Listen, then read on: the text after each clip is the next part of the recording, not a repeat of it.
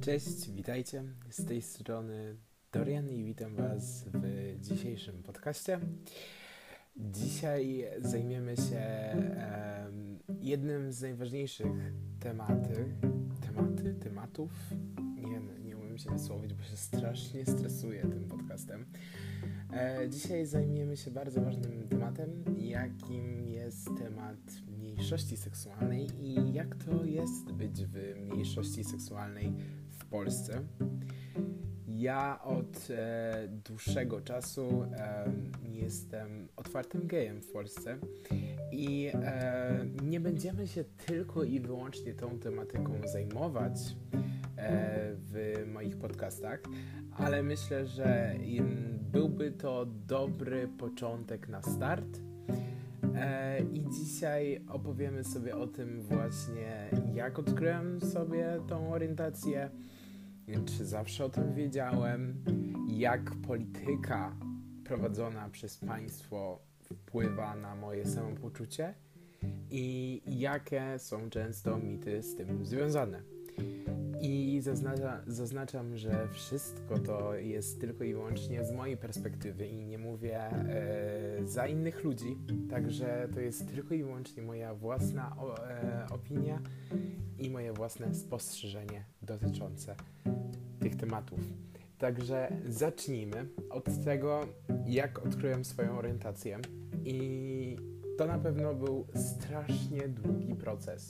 To nie było tak, że e, przechodzę sobie i mówię, mm, jestem gejem. No nie, no, na pewno tak to nie było i tak to nie wyglądało. E, pamiętam na, już na początku w dzieciństwie e, miałem takie jakieś takie dziwne przejawy, na przykład moją ulubioną częścią w sklepie e, takim, wiecie, odzieżowym, typu, nie wiem, Houndem, Reserved i w ogóle. Teraz aż mi wstyd to mówić. Ale było, było to miejsce z, e, z bokserkami, bo byli tam faceci. I wiecie, że ja nie wiedziałem, że to jest coś dziwnego. Myślałem, że każdy tak ma. Naprawdę. Ja ja nie wiedziałem, że to odstaje od norm społeczeństwa, ale w każdym bądź razie strasznie podobali mi się ci faceci, e, którzy byli na tych tam okładkach. Wiecie o co mi chodzi, nie? Mam nadzieję, że tak. A jak nie, to trochę przypał. No ale trudno. E, I to były takie, wiecie, takie totalnie początki, no ile ja wtedy miałem z lat, no nie wiem, z 8 czy 9, tak mi się wydaje. No nie wiem, no ale um, to były takie, wiecie, raczkujące początki. No i słuchajcie, ja przechodzi jakieś, wiecie, 11 lat, 12 i w ogóle, no to tam się zaczęło. Wiecie, zaczęły się te pary szkolne w podstawówkach e, i w gimnazjum i zaczęła się ta cała miłość i zaczęły się pytania, czy mam dziewczynę. I e, ja za wszelką cenę próbowałem sobie udowodnić, że jestem osobą heteroseksualną. No i miałam raz dziewczynę. I e, słuchajcie, wierzcie mi lub nie, ale nie czułem po prostu nic.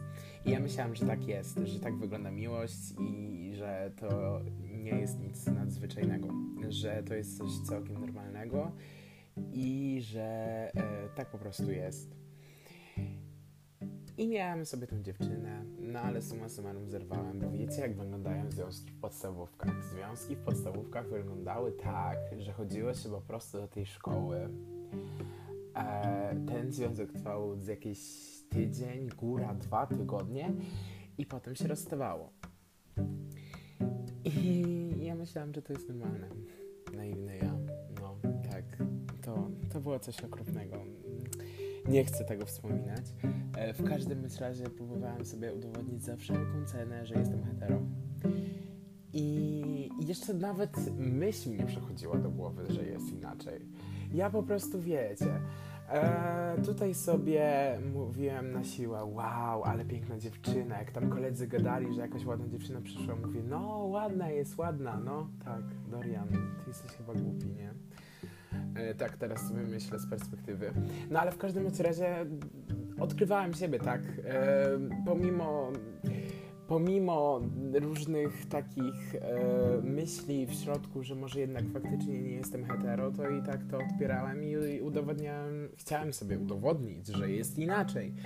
No ale niestety, mm, albo stety, e, okazało się, że jest inaczej. Ale to był proces bardzo długi. To nie było coś, co było z sekundy na sekundę, że po prostu na początku byłem hetero, a potem stałem się gejem. No bo gejem jest się już od samego urodzenia. Tylko po prostu odkrywasz to w sobie.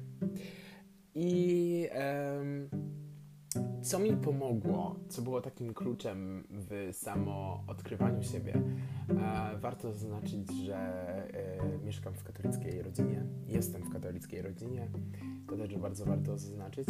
E, co było takim kluczem do tego wszystkiego, to e, był Netflix. I teraz powiecie, Netflix? Tak, Netflix. Bo e, zacząłem oglądać seriale na Netflixie mniej więcej w wieku 14-15 lat. I tam się pojawiały wątki homoseksualne. I na początku ja miałem takie, że chłopak z chłopakiem, że dziewczyna z dziewczyną. Mm-mm. Ale później tak zacząłem się coraz bardziej e, przekonywać do tego i ja tak, ja tak zacząłem się zastanawiać, ale mi się to podoba, w sensie, że ja bym mógł być z chłopakiem, ale byłem strasznie przestraszony. Mówię, no ale co na to wszyscy moi znajomi? Co na to moja rodzina? I jak, jak ja sobie z tym wszystkim poradzę? I słuchajcie, to proces samoodkrywania to był, to był jakiś jeden wielki żart. Ja zacząłem sobie robić jakieś quizy, czy jestem gejem. Tak, robiłem sobie quizy. I specjalnie w tych quizach okłamywałem zawsze odpowiedzi, żeby mi nie wyszło, że jestem gejem. No. Nie wiem, czy wy też tak robiliście. Nie mam zielonego pojęcia, ale w każdym bądź razie ja tak robiłem. I oszukiwałem samego siebie, tak. To chyba jest najgorsze, co można zrobić. No ale e, pewnego dnia poszedłem do mojej koleżanki, którą serdecznie pozdrawiam, bo wiem, że na pewno to będzie słuchać. E, poszedłem sobie do mojej koleżanki, żeby, mm, że, żeby powiedzieć jej, że chyba podobają mi się chłopacy, ale wtedy powiedziałem, że podobają mi się chłopacy tak samo jak dziewczyny. To był też proces, bo na początku myślałem, że jestem bi. No ale nie jestem bi. I powiedziałem jej, że no słuchaj, e, tutaj wymyślmy jakieś imię. No słuchaj, Karolina, ja chyba jestem e, bi. No i ta Karolina powiedziała, że e, o, to super i przyjęła to w sumie bardzo dobrze, co dało mi, wiecie, taką już pozytywną energię i, i poczułem, że, że jednak e, że jednak może to nie jest takie złe i że może jakoś sobie poradzę. No i um, kwestia czasu i tak zacząłem bardziej zauważyć swoje zachowania, e, czy faktycznie patrzę na kobiety tak samo jak patrzę na mężczyzn i się okazało, że jednak jestem gejem. No i podchodzę do tej Karoliny któregoś dnia i mówię, no Karolina, chyba jestem gejem. I ona mówi, o, to super i w ogóle. I się poczułem z tym tak strasznie komfortowo. I mówię, dobra, Dorian, skoro już wiesz, skoro już przeszedłeś tyle i skoro już wiesz, że jesteś gejem, no to y, możesz zacząć się powoli otwierać na więcej ludzi. A że mieszkam na wiosce i że jestem w katolickiej rodzinie, to było bardzo ciekawie. Przede wszystkim z tego względu, że byłem prześmiewany w szkole i strasznie mi dokuczali, także wiecie, to było takie balansowanie troszeczkę na granicy. No ale dla mnie nie ma rzeczy niemożliwych. E, I zacząłem powiększać powoli moje grono. Powiedziałam jednej przyjaciółce, powiedziałam drugiej przyjaciółce, i tak to grono zaczęło się rozszerzać. I moi drodzy, doszedłem do takiego etapu, gdzie teraz w sumie wszyscy już o tym wiedzą. Ale to nie jest tak, że czuję się w stu procentach mm, komfortowo z tym, no bo jednak polityka w Polsce jest jaka jest, tak, i nie chcę wchodzić w tematy polityki zbyt bardzo, ale ze względu, że należy do mniejszości seksualnej, rzeczy takie, które są poruszane w mediach albo narracja polityczna e, u różnych partii po prostu nie pomaga w zaakceptowaniu siebie. Bo to nie jest tak, że zaakceptujesz siebie w bardzo krótkim czasie, tak naprawdę. Bo często samo sami sobie dokuczamy, że tak powiem. Chciałem użyć takiego mądrego określenia, ale ze stresu właśnie zjadłem to określenie. I nie mam pojęcia. Nie samorealizacja, samosabotaż. O! Samosabotaż. Tak jest. Często samobotaż... Samo...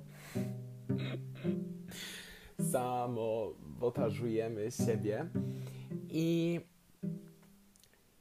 i nie, i nie pozwalamy siebie, że tak powiem, odkrywać.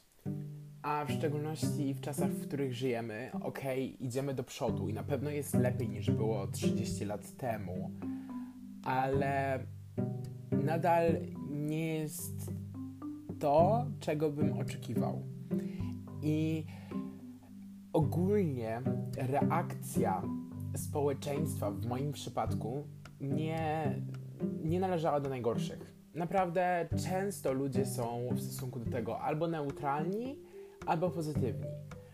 Ale narracje, które są w mojej rodzinie albo które e, słyszałem w mediach, no nie powiem. Uderzają mnie i uderzyły bardzo. I to strasznie, wiecie, działa na psychikę i to strasznie, strasznie to działa. I się czasami wtedy człowiek zastanawia, czy, czy nie wyjechać za granicę, czy to faktycznie jest jakaś choroba i w ogóle nie, to nie jest choroba. To nie jest choroba, to jest coś zupełnie naturalnego. I jeśli jesteście osobami nieheteronormatywni, to jest rzecz normalna. Słuchajcie, naprawdę, nie jesteście z tym sami. Mogę się założyć, że w waszej okolicy jest dużo osób, takich jak wy. No i słuchajcie, e, to poszło już z grubej rury, słuchajcie. Nastąpiły pewne, że tak powiem, e, pewne komplikacje w mojej rodzinie, pewne, pewne sprawy. No i 16-letni Dorian stwierdził, że super pomysłem będzie dowalić po prostu całej mojej rodzinie i powiedzieć o moim coming outie. Tak, e, zrobiłem coming out w mojej rodzinie katolickiej. No oczywiście dostałem zaproszenie do kościoła, żeby się nawrócić. E, z, tego, z tego nie skorzystałem. No i oczywiście tam były oto afery rodzinne, ale to już jest wątek poboczny, który kiedyś rozwiniemy. E, i o dziwo, jak bałem się powiedzieć rodzicom i stwierdziłem właśnie, że moja mama lepiej zareaguje, a mój tata gorzej zareaguje, to skończyło się zupełnie odwrotnie. Okazało się, że mój tata lepiej zareagował niż moja mama. I byłem aż w ciężkim szoku. I wiecie, jak bardzo ważne, przed nami dla mnie, jest właśnie coming out. W ogóle nie powinniśmy się, że tak powiem, etykietkować, w sensie nie, nie musimy się etykietkować, nie musimy zrobić coming outu, nie musimy nawet określać swojej orientacji. I zastanawiałem się właśnie, czy y, zrobiłbym coming out później, po czasie.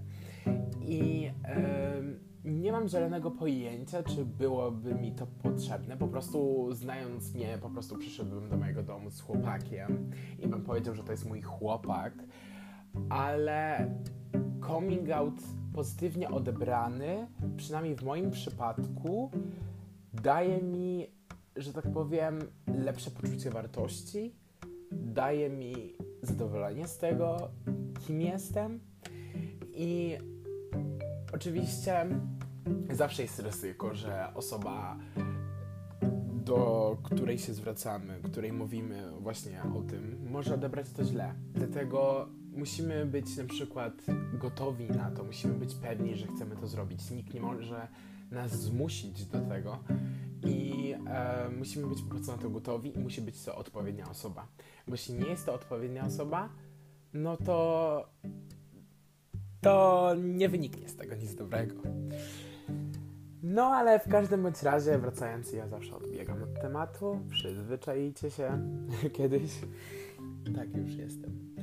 Wracając do tematu, powiedziałam mojej rodzinie, no tak, dostałem e, bilet do kościoła, w cudzysłowie bilet.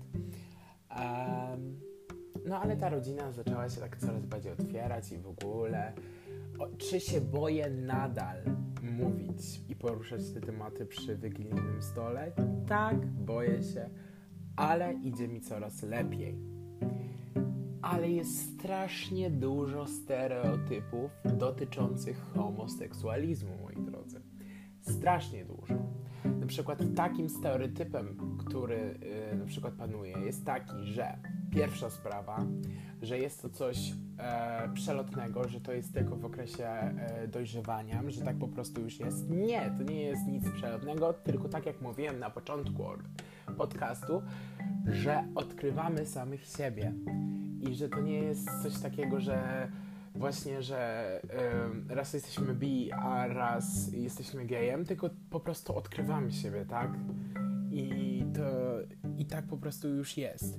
Kolejny stereotyp, który panuje, to jest taki, że e, każdy chłopak, który jest w cudzysłowie mniej męski, jest gejem. Nie. Orientacja nic nie ma wspólnego z na przykład stylem ubioru, czy z charakterem, czy ze sposobem bycia. W ogóle nienawidzę takiego czegoś jak toxic masculinity, czyli toksyczna męskość. To jest po prostu o, o tym też pogadamy w kolejnych podcastach, ale nienawidzę określeń, że ktoś jest na przykład mniej męski, bardziej męski, albo mniej kobiecy, albo bardziej kobiecy. Nie mówmy tak, proszę, bo to krzywdzi naprawdę wszystkie strony. Kolejnym stereotypem jest to, że, że pary homoseksualne nie mogą być katolikami, albo że pary homoseksualne przynoszą choroby weneryczne. Moi drodzy, w którym wieku żyjemy? W XX czy XXI? Po pierwsze, istnieje masa par homoseksualnych, w ogóle osób innej orientacji seksualnej, którzy chodzą do kościoła i to jest w porządku, którzy są katolikami i to jest w porządku. Religia nie ma nic wspólnego z orientacją tożsamość płciowa. Nic nie ma żadnego związku z orientacją. Także nie mieszajmy, że tak powiem, tożsamości orientacji z poglądami religijnymi, no bo to jest jakieś jedno wielkie nieporozumienie. I choroby weneryczne, a orientacja. Słuchajcie, w latach 80. i 90 w Stanach Zjednoczonych panował taki stereotyp i on był bardzo rozpowszechniony i doskonale pokazuje też serial Pose, e, możecie obejrzeć na Netflixie, że wirusem HIV e, zarażają się tylko pary e, homoseksualne. I taki był stereotyp i faktycznie nawet w tym serialu jest ukazane, że jak przyjechała karetka po gościa, to po prostu oni w kaftanach chodzili a według obecnych e, informacji, według WHO i wszystkich instytucji, chorobami wenerycznymi każdy może się zarazić. Każdy. I nie ma to nic w związku z orientacją. I niezależnie, czy jesteś gejem, lesbijką, czy jesteś hetero, czy jesteś bi, czy jesteś pan, czy jesteś demi, nieważne. Ważne jest to, żeby uprawiać bezpieczny seks. I dlatego to nic nie ma w związku z waszą tożsamością czy orientacją. Nie dajcie sobie tego wmówić. I strasznie nie lubię tych wszystkich stereotypów, a jest ich masa. Ja poruszyłem tylko kilka. Strasznie nie lubię stereotypów, bo stereotypy nas szufladkują. I na przykład zauważcie, jak poruszycie temat, przynajmniej w mojej rodzinie, jak poruszyłem temat Parady Równości, to od razu mój dziadek do mnie z tekstem a oni pewnie chodzą w tych kagańcach, łańcuchach i w ogóle no nie, to tak nie wygląda Parady Równości. Parady Równości owszem ludzie, to jest po prostu kultura, tak? Kultura palat równości, ale nie szufladkujmy ludzi um, ze względu na obrazki pokazywane w telewizji, no bo telewizja jednak nie jest obiektywna, częściej subiektywna i zawsze zależy jaki włączymy kanał, no to zawsze wybierana jest jakaś strona, mniej lub bardziej, także nie wierzmy we wszystko, co widzimy. Puentując, używając puenty, moi drodzy, proces samoodkrywania jest długi i bolesny, ale słuchajcie, damy radę, jesteście w tym razem, jesteśmy w tym razem i do zobaczenia w kolejnym podcaście. Sorry, że on był taki, wiecie, taki nieprofesjonalny, bo moja mama jeszcze tam się drze z tyłu. E, sorry, że nie był on taki bardzo dobrze przygotowany, ale jest to mój pierwszy podcast. I kochani, życzę Wam miłego dnia, miłej nocki i trzymajcie się cieplutko do następnego podcastu.